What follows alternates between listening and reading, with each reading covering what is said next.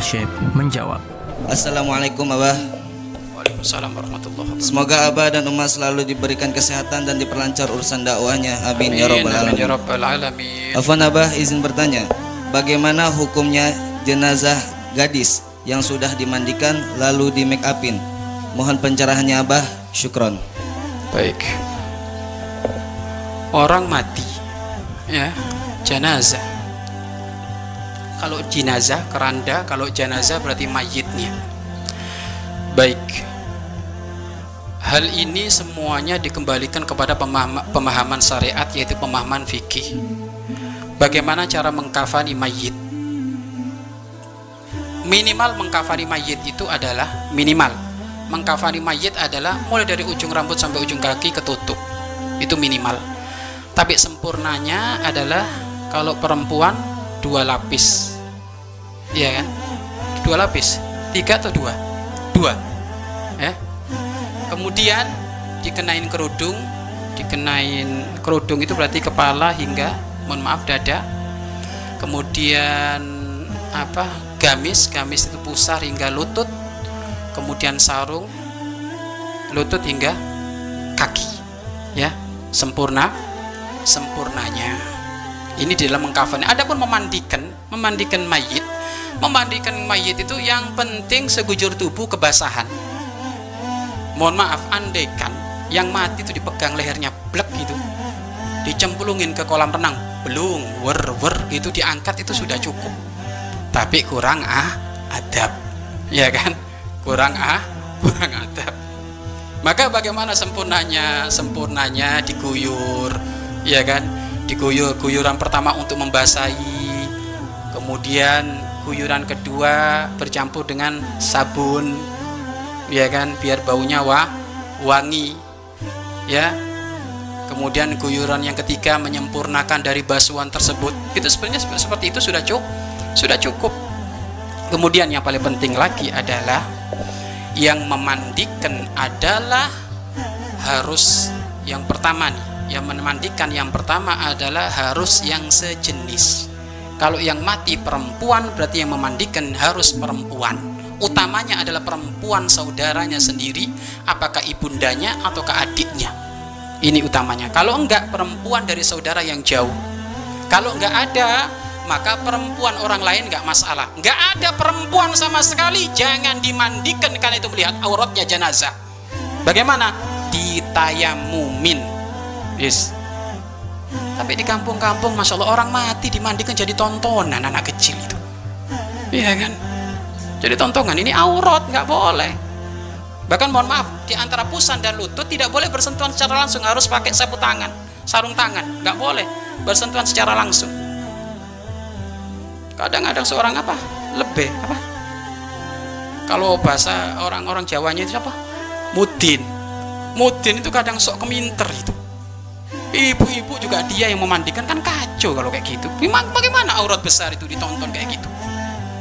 Memang si si mayit sudah mati dia nggak akan nggak akan ngomong malu. Tapi secara syariat Islam malu itu. Haram nggak boleh ya. Lebih baik ditayamumi daripada dimandikan oleh orang orang laki-laki orang laki-laki lain. Boleh laki-laki boleh boleh laki-laki kalau suaminya atau memang mahramnya. Boleh tidak apa-apa tapi kalau nggak ada suaminya mahramnya nggak ada. Adanya laki-laki lain nggak boleh. Lebih baik ditayamu tayamumi. Jadi di dalam syariat Islam sangat menghargai kehormatan wanita khususnya dalam bab urusan au aurat. Nah ini.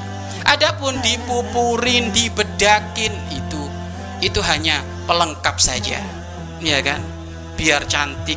Ya biar cantik sudah mati sih ya kan gitu kan. Sudah itu pelengkap saja. Nggak nggak digituin nggak masalah. Ya kan?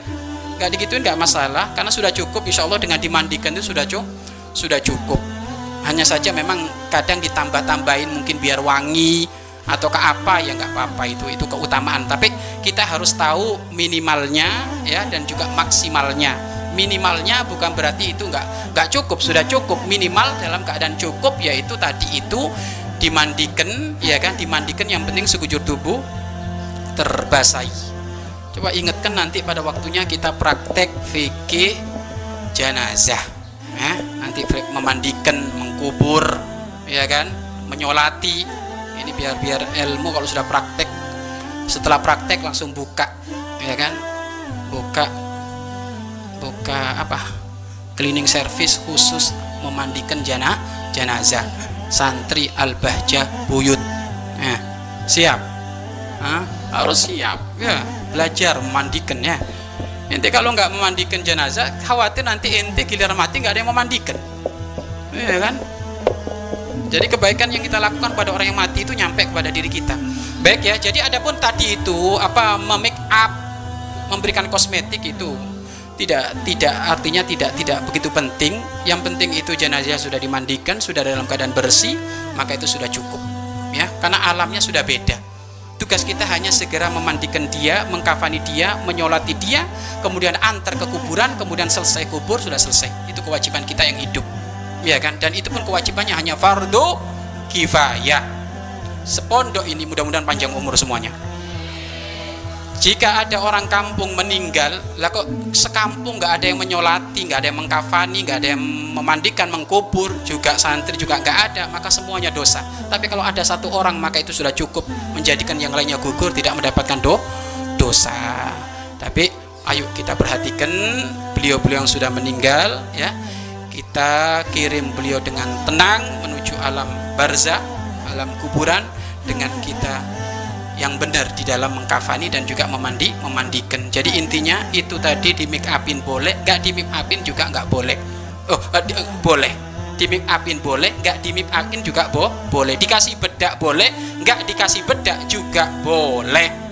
Yang nggak benar itu apa? Kalau nggak dikasih bedak nangis mayitnya, nah ini nggak benar kalau nggak dikasih bedak mayitnya nah nangis nah ini nggak benar ya kan? Ada lagi juga itu. Orang kalau mati kecelakaan nanti darahnya kalau dikasih apa garam nangis katanya. Ini pemahaman dari mana itu? Nggak ada. Orang sudah mati sudah mati wafat. Nggak ada. Sudah alamnya sudah beda mutlak. Ya kan? Nggak ada itu. Awas tolong ya. Kalau mandikan jangan kasar-kasar karena merasa tersakiti. Nggak ada.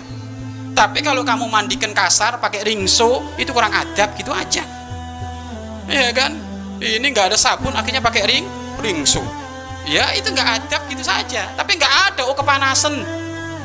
Karena deterjen nggak ada itu. Karena sudah sudah wafat sudah meninggal. Kalau dia ahli surga maka segera dia masuk surga.